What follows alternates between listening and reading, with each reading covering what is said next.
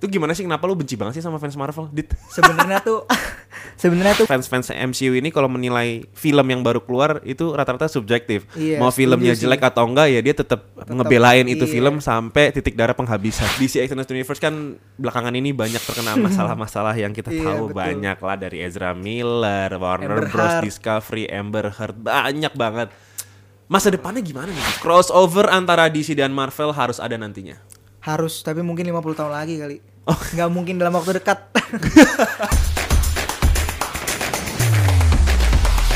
Halo teman-teman semua, balik lagi dengan gue Nandika di Breakdown Bros Podcast episode 28 Another day, another episode, it's nothing but movies Kali ini gue bersama TikToker lagi, konten kreator yang jadi fanboynya DC Dan hari ini gue akan mengundang namanya Dito Devandra Tepuk tangan dulu semuanya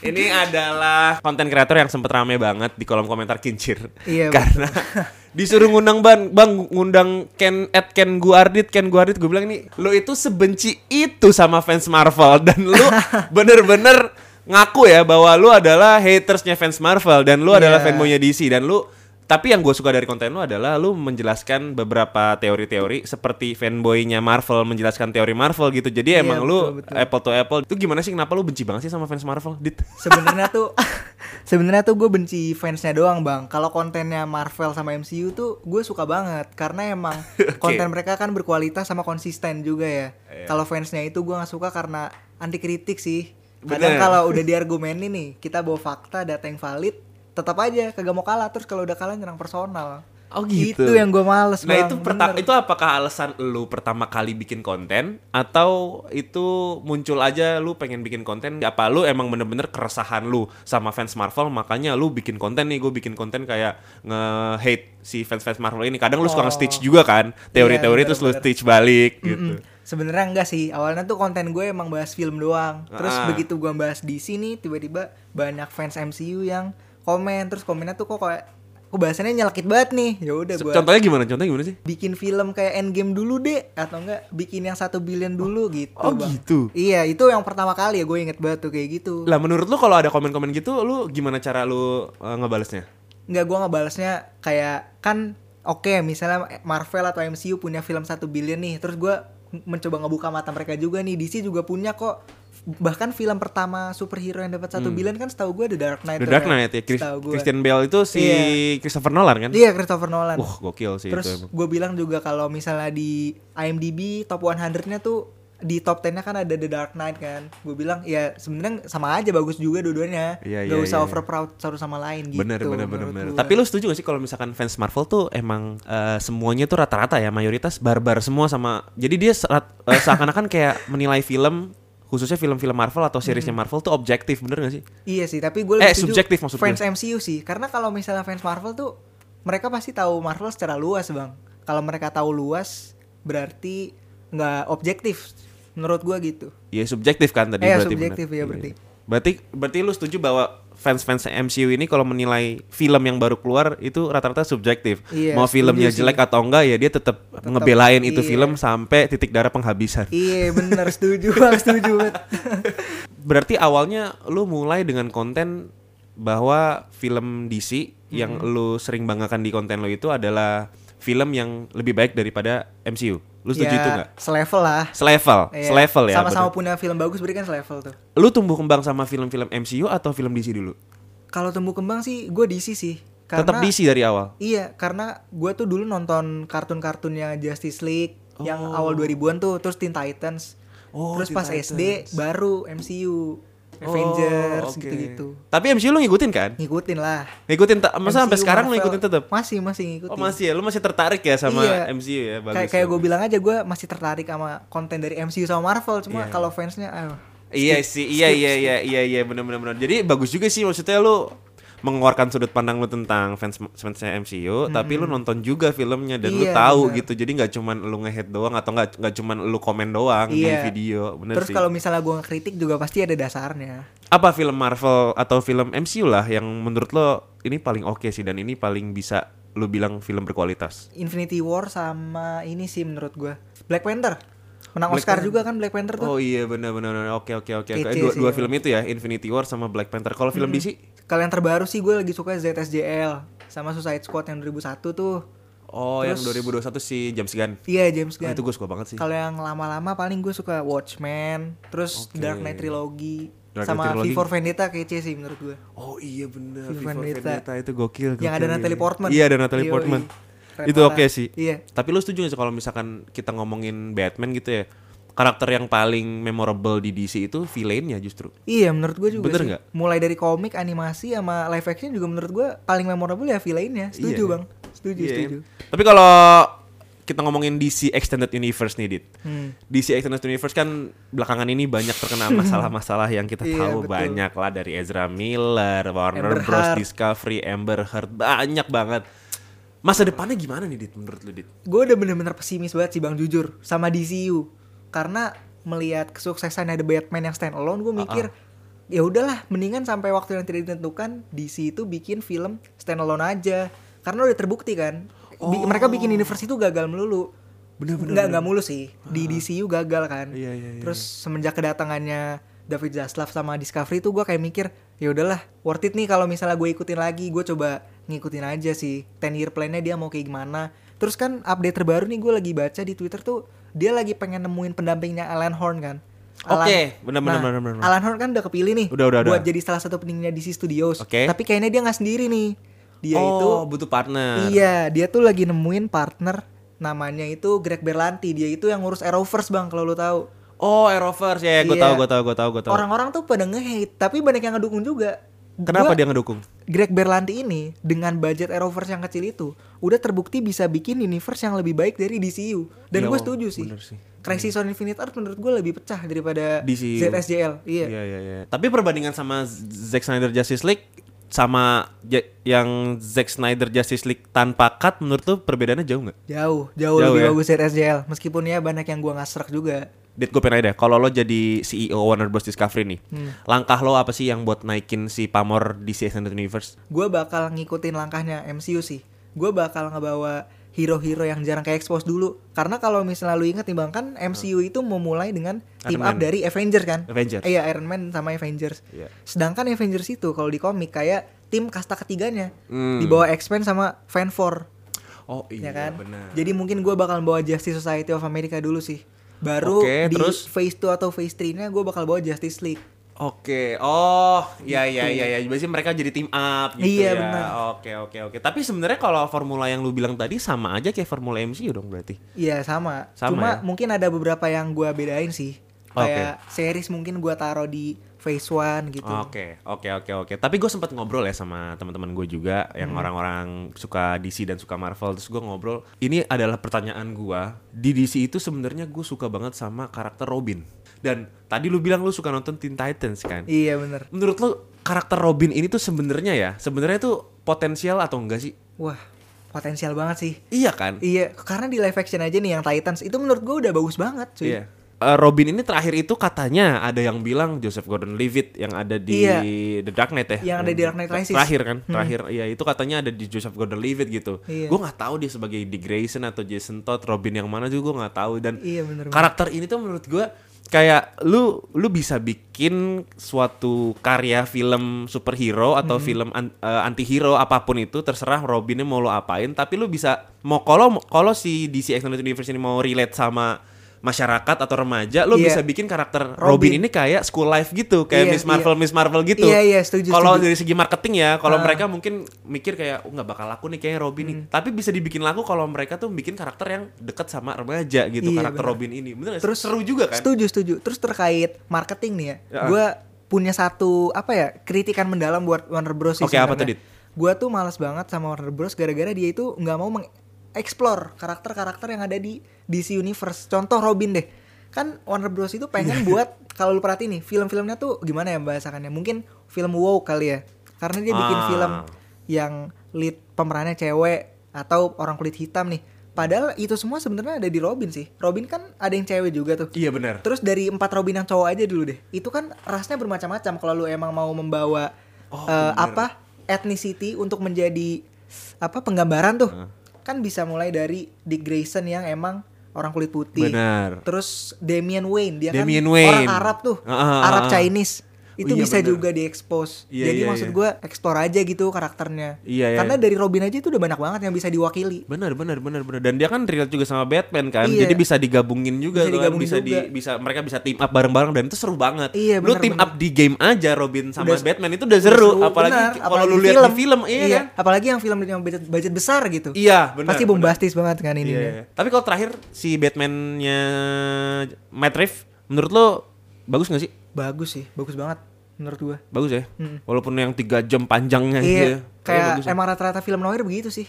Iya benar, benar setuju. Itu dia benar film noir. Film noir tuh emang, Emang kayak gitu. eh, durasinya panjang, gelap. Hmm. Ya bener-bener kayak apa ya? Kayak lu nonton film detektif kayak Iya. zaman dulu aja gitu, kayak, Kayak- Citizen Kane kayak gitu. Kayak kan. Prisoners tuh. Prisoners kayak gitu Hmm. kan, sama aja sih bener bener bener. Tapi kalau gua ngomongin series nih, Hmm. series top 3 superhero versi lo apa dit?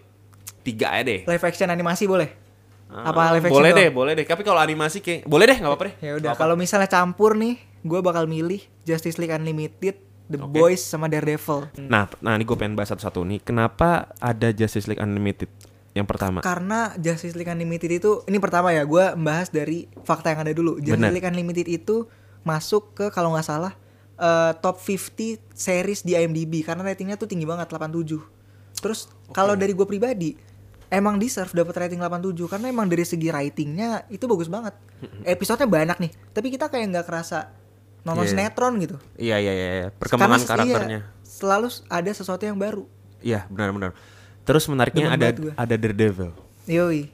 Kenapa ada Daredevil tuh, Dit? Kan lu kan selaku orang Apa yang ya? kadang suka menghujat film Marvel dan fansnya mungkin Iya, ya. fansnya doang sih Iya, fansnya doang ya. Oke, tapi kenapa ada Daredevil nih? pertama Daredevil itu emang masuk selera gua banget. Yang gelap terus minim jokes. Yang ada jokes sih tapi minim lah jokesnya. Iya. itu pertama kalau dari selera. Kalau dari yang bukan selera nih menurut gua Daredevil itu benar-benar well written banget sih bang. Menurut gua agak turun sedikit di season 2 tapi pas Oh, season oke. 3 nya itu langsung naik Iya, iya, jauh iya. sih menurut gua Ya itu ya itu Daredevil nantinya bakal masuk MCU nanti. Iya, di Nanti- She-Hulk ya. eh, eh, di She-Hulk dia bakal masuk MCU dan tadi tadinya kan dia kan series yang bukan di MCU kan. iya bukan Akhirnya karakter Matt Murdock masuk di Iya. MCU nantinya. Oke. Nah, ini yang menarik. The Boys.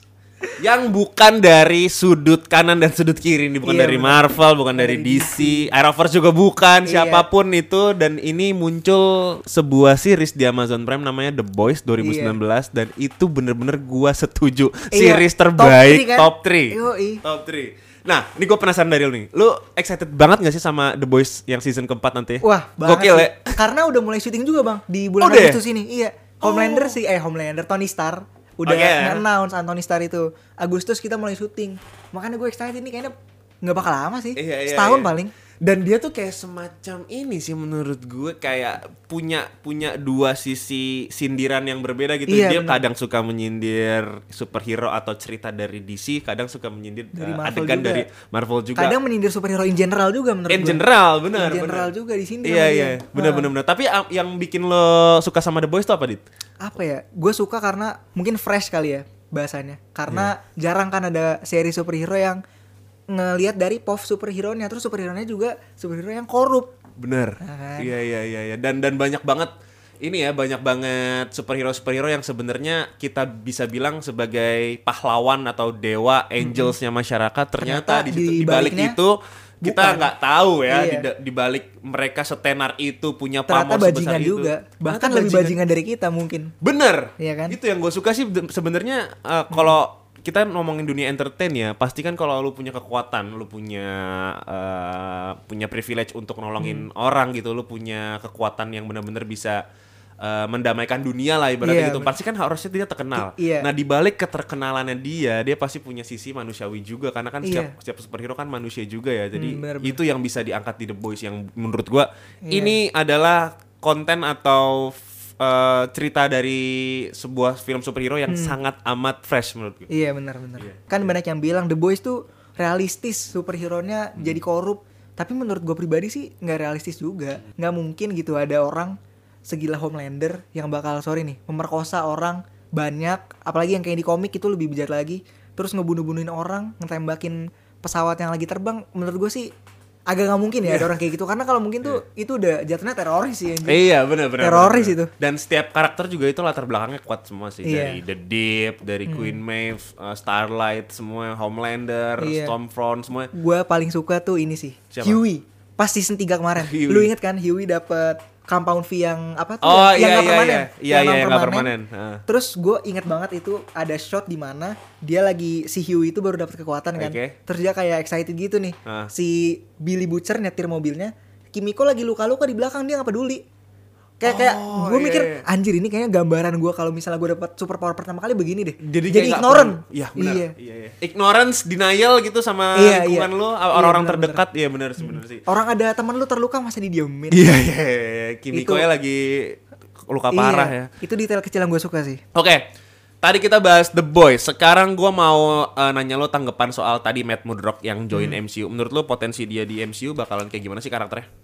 Harapan gue sebenarnya nggak tinggi sih. Gue cuma Hmm. berharap mungkin Matt Murdock yang kita tahu dari Netflix dipertahankan seperti yang kita tahu dari Netflix gitu. Iya, iya, iya. Gitu do- itu doang sih harapan gue. Iya sih, soalnya simpel aja. ya. Iya, simpel aja. So- soalnya emang dia udah nggak butuh karakter development lagi. Iya, karena udah udah udah perfect banget itu. Iya udah nggak butuh lagi, bener sih. Paham. Eh, gua eh, paham banget sih apa yang ada di pikirannya Kevin Feige mau bawa Matt Murdock ke MCU. Kayaknya emang ngebawa market juga tuh. Iya, bener-bener market yang dari Netflix. iya benar benar. Nah, eh, berarti nanti kan bakal ada fase 5 nih. Kemarin kan Hmm. di SDCC kan udah diumumin kan si Marvel atau ya di MCU ini akan ada fase 5 6 yang Hmm. nantinya akan ada satu tahun dua Avengers. Oh iya. Iya kan Itu ada agak- Secret War sama King of Dynasty. Tanggapan lu sama Multiverse Saga yang nantinya ada fase 5 sama 6 ini tuh gimana? Tapi pasti gue bakal berekspektasi tetap. Ah, ah, Apalagi ah, ah. ada Fantastic Four. Iya, oke. Gue juga penasaran yang bakal jadi uh, Siapa? empat orang itu siapa aja. Karena Oh, terakhir kali gue denger Penn Badgley pengen jadi Mr. Fantastic kan. Oh iya benar benar benar benar. Oh iya iya iya. iya, iya. Soalnya emang nggak John Krasinski bukan jadi Kayaknya- lagi kan? Iya, kayaknya John Krasinski nggak dilanjut kayaknya. Jadi gue tetap excited sih. Tapi Iya. paling itu bang, yang kayak lo bilang dua Avengers dalam satu tahun. Gue agak gimana gitu sama VFX timnya. Pasti disuruh kerja Rodi lagi sih. Iya kan kemarin udah ada kasus tuh. Iya, udah ada Ya kasus. kan eh, para pekerja Underpaid. visual effects-nya si Marvel underpaid dan kerjanya Rodi Overwork, tadi iya. overwork karena emang satu tahun apalagi fase 4 ini ya. Iya, Satu banyak banget projectnya. banget ada series, terus ada film juga. Satu tahun ada dua Avengers berarti kalau misalkan satu tahun VFX-nya lagi molor atau enggak VFX-nya lagi pengen Aduh gue pengen ngerokok ada ntar aja ngerjainnya lama gitu kan Karena gue udah ngerjain yang Kang Dynasty Mulai, misalkan iya. Ya udah nggak maksimal juga Iya, jadi nggak maksimal. Jadi Iya. banyak yang miss juga. Tapi Ya, kalau di fase 5 sama 6 Yang paling lu tunggu-tunggu apa sih? Film Marvel? Fantastic Four sih. Gue nggak terlalu nunggu Avengersnya. Karena apa ya? Sama X-Men paling X-Men kapan sih debutnya? Tahun X- berapa? Itu, itu Mutant Saga kan? Mutants doang ya? Ya makanya nanti Belum. nanti belum belum karena Soalnya katanya kontrak terbaru bilang Marvel nggak boleh nge-request atau meribut sebelum 2025 katanya. iya iya benar benar benar.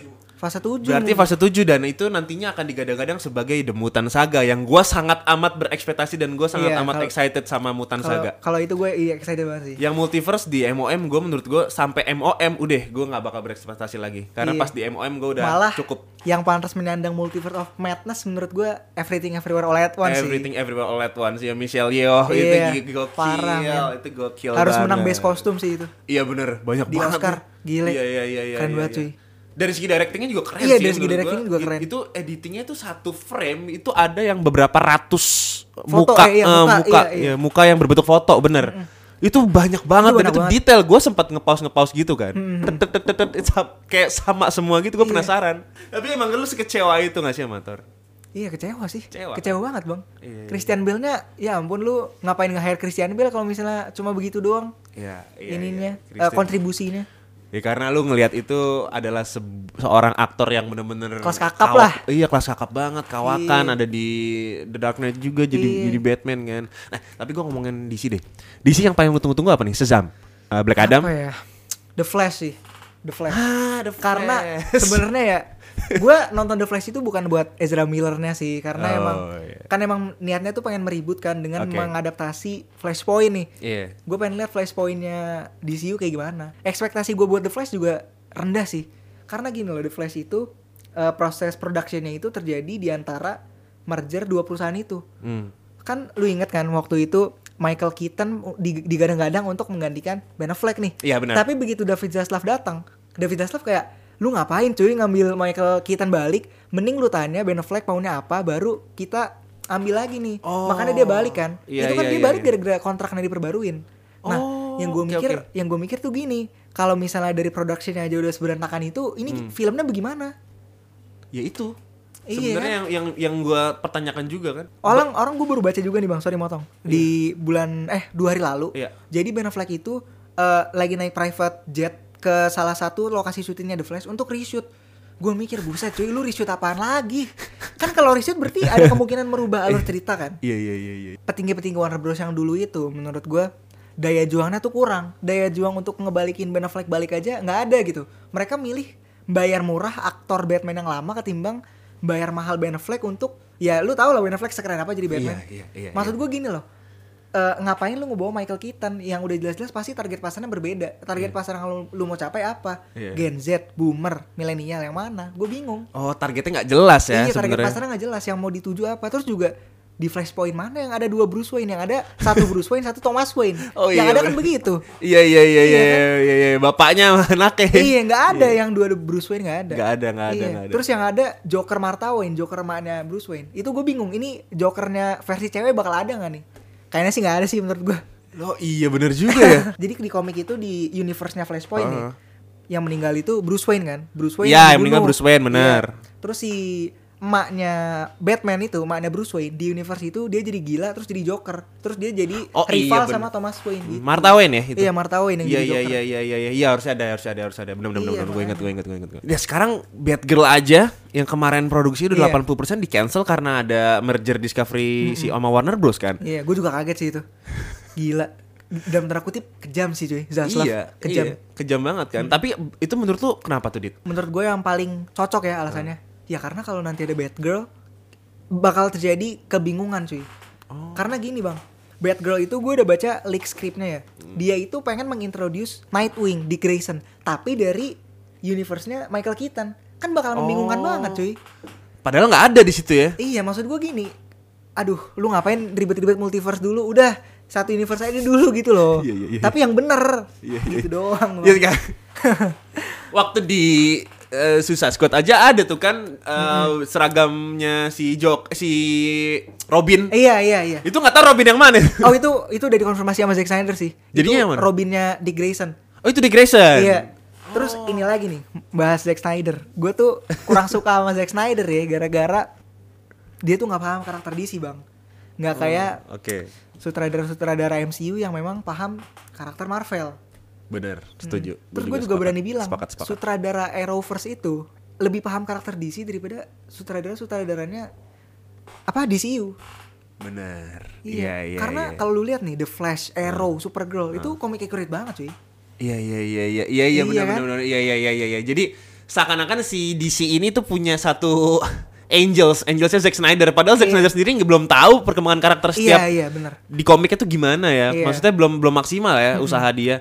Benar sih, benar sih gue Poin yang ingin gue sampaikan tuh Zack Snyder sutradara yang bagus dan mumpuni. Cuma ya nggak amat sangat mumpuni Eh tapi sih. eh tapi bener loh, lu objektif loh mood menilai si DC ini loh. Walaupun lu nge-hate fans fans fans Marvel dan konten lu DC, tapi lu cukup ob- objektif ya. Iya, Semenjak gua iya. ketemu lu dan lu podcast hari ini, lu sebenarnya objektif juga menilai DC kalau emang jelek lu bilang Gua jelek. bilang jelek iya emang. Kalau emang bagus lu bilang bagus gitu. Gue ngomong berdasarkan fakta yang ada aja bang. Tapi banyak yang bingung sama lu kenapa lu itu masih suka sama DC? Karena lu tahu nih, lu menyatakan bahwa film DC eh, flop, eh, potensinya rendah. nggak usah ngomongin multiverse dulu deh. Lu punya solusi gini gini gini gini gini yang sesuai dengan Iya. teori lu. Tapi lu masih ngefans sama DC. Apa hal yang bikin lu masih ngefans sama DC sampai sekarang? Komik animasi sama standalone sih. Apalagi Komik. Joker 2, The Batman 2. Udah gue excited itu cuy. Foliadu. Iya, Foliadu.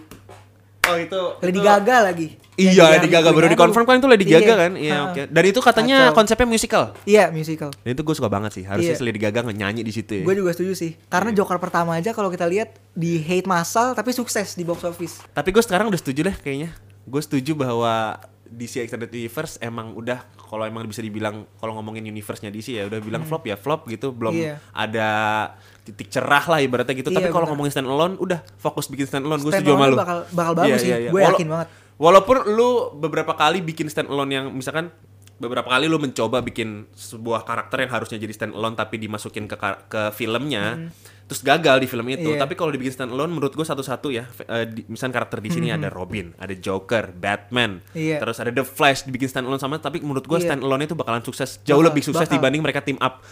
nggak usah jauh-jauh Batman deh Green Lantern aja nih menurut gue kalau dibikin universe kayak Star Wars bakal sukses bang Bener. gue yakin banget Iya. karena Green Lantern itu luas banget ada Sinestro Corps Red Lantern Wah, iya banyak bener. juga villain Iya, yang iya. bisa lu bawa ke live action Iya oke oke setuju gue. Oke itu dia kan. Iya. Terakhir nih, eh Tok. Tadi lu bilang lu rada kesel sama Zack Snyder. Hmm. Tapi selama dia berkarir di DC, menurut tuh Zack Snyder itu sebenarnya pantas nggak jadi saudara di DC Extended Universe, menggang Justice League. menurut gue pantas tapi cuma untuk membiarkan dia nge-finishin trilogi Justice League-nya aja sih nggak Oke. usah megang Batman vs Superman lagi Oh, jadi usah. Justice League Iya, iya, tamatin iya. aja gitu Iya, lebih, lebih ke Justice League ya. Iya. Ini gue masuk ke segmen namanya Moment of Truth. Gue nanya ke lu atau gue mengeluarkan statement Hmm. yang harus nantinya lu jawab itu benar apa salah. Nah kalau benar lu jawab benar, kalau salah emang lu harus menyatakan alasan. Benar Oke. pun lu menyatakan alasan. Oke, oke. Siap, siap. Yang pertama, is it true or false menurut lo? Mayoritas fans DC jauh lebih objektif menilai film dibanding fans Marvel.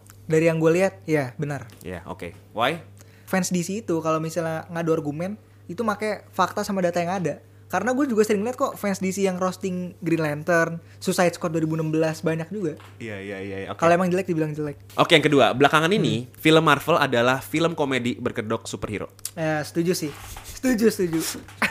Karena mereka tahunya MCU adalah MCU yang colorful, yang fun. Wah, ini komedi nih berarti MCU mengekspos jati diri mereka yang sebenarnya yaitu komik yang colorful. Padahal komik Marvel juga banyak yang dark, cuy. Cuma mereka aja nggak tahu. Itu. Ba- banyak yang lebih dark dari DC malah. Oh iya benar, itu. Iya. Itu hal penting tuh. Nextnya ya, Dit. Yoi. Is it true or false menurut lo? Crossover antara DC dan Marvel harus ada nantinya. Harus, tapi mungkin 50 tahun lagi kali. Oh. Nggak mungkin dalam waktu dekat. Terlalu impossible, sumpah. Gue udah tua banget itu kalau misalnya 74 nih baru team up. Ini siapa nih? Udah mana Tony Stark kagak ada. Udah punya cucu. Udah punya cucu. Oke oke, berarti harus ada ya 50 Iya, tahun harus, lagi. harus. Oke. Kalau kita ngomongin crossover, bakal ceritanya kayak gimana ya awalnya? Kayak di komik sih paling. Jadi kayak villain Marvel sama DC itu kerjasama, terus hero-nya juga kerjasama buat ngelawan mereka. Ih seru Iya. banget sih. Seru banget sih. Ya, ya, Emang, jadi kita ki- cuy. villainnya baru ya. Iya. Villain baru tapi DC sama Marvel team up gitu ya. Mm-mm. Oke. Atau enggak villain dari Marvel sama DC mereka team up gitu. Ngelawan hero dari DC Villainnya Marvel. juga team up bener. Oke oke oke. Nice nice. Oke terakhir, is it true or false menurut lo? Karakter villain dari DC jauh lebih menarik dibanding Marvel. Gue setuju sih. Iya tadi udah Benar. dibahas sih emang tadi Iya. setuju ya. Jauh lebih memorable ya. Iya bener. Karakter developmentnya jauh banget. Jauh. Kalau villain itu dibikin sebagai orang antagonis yang bikin kesel emang bikin Iya. kita pengen harus nih orang dibantai. Ya, itu ada di. Joker. Iya, ba- banyak sih. Nggak Joker, Reverse Iya. Flash banyak sebenarnya. Kita kalau kita ngomongin makanya kadang-kadang Hmm. ya sekarang fans Marvel kan dibilangnya Loki itu apa sih superhero apa anti hero kan kadang Iya. bilang gitu Deadpool apa anti hero banyak kan ada kata-kata anti hero yang Iya. sekarang lagi Banyak kan banget abu-abu. Eh, eh, abu-abu tapi kalau di DC itu tegas Iya, tegas. villain ya lu villain Iya, setuju bener. nggak usah tobat Iya, benar benar. Maksud gue nggak nggak nggak semua villain tuh harus tobat gitu. Iya, iya, benar. Yang gue nggak suka Setuju di sih. Marvel belakangan ini yang di MCU ya justru Marvel si villainnya si MCU ini dibikin tobat mulu. Iya bener. Kayak dibikin, nih dia juga punya perasaan loh iya, gitu. Gore kan pembantai ya di Iya. komiknya segala macam ujung-ujungnya tobat. Wanda si ibu-ibu rese gara-gara anak dia jadi Iya. stres tobat gitu kan. The Villain, real villain villain. udah villain aja, OG Hero, aja. hero, iya. iya. hero hero udah villain villain ya. Lu Iya, kesel iya. lu jadi psycho psycho sekalian gitu. Iya setuju bener. Iya. Oke, thank you banget ya, Dit udah ngobrol-ngobrol hari ini. Thank you juga Bang, Sebuah udah diundang. kehormatan bisa Yuk. Ngobrol-ngobrol sama Dito dari Ken Guardit at Ken Guardit ya. Iya. Oke, lu ada nggak mau disampaikan sama fans-fans Marvel di sini? Lu udah liat sendiri lah ya. Gue objektif. Jadi gue bukan haters Marvel. Gue cuma haters fans MCU doang. Kesimpulan kita ngobrol-ngobrol hari ini ya bersikaplah sebagai fans yang bijak karena Iya. setiap film itu punya kekurangan dan kelebihan. Jadi be Betul. objektif guys. Oke, thank you banget ya Dit. Sukses selalu Iya, konten konten konten TikToknya Iya. ya. Gua nanti bakalan ngobrol-ngobrol lagi sama lu kalau misalkan Black Adam atau The Flash atau Ezra Miller buat blunder lagi. Iya. Kayak gue bakal nanya tanggapan lu lagi nanti.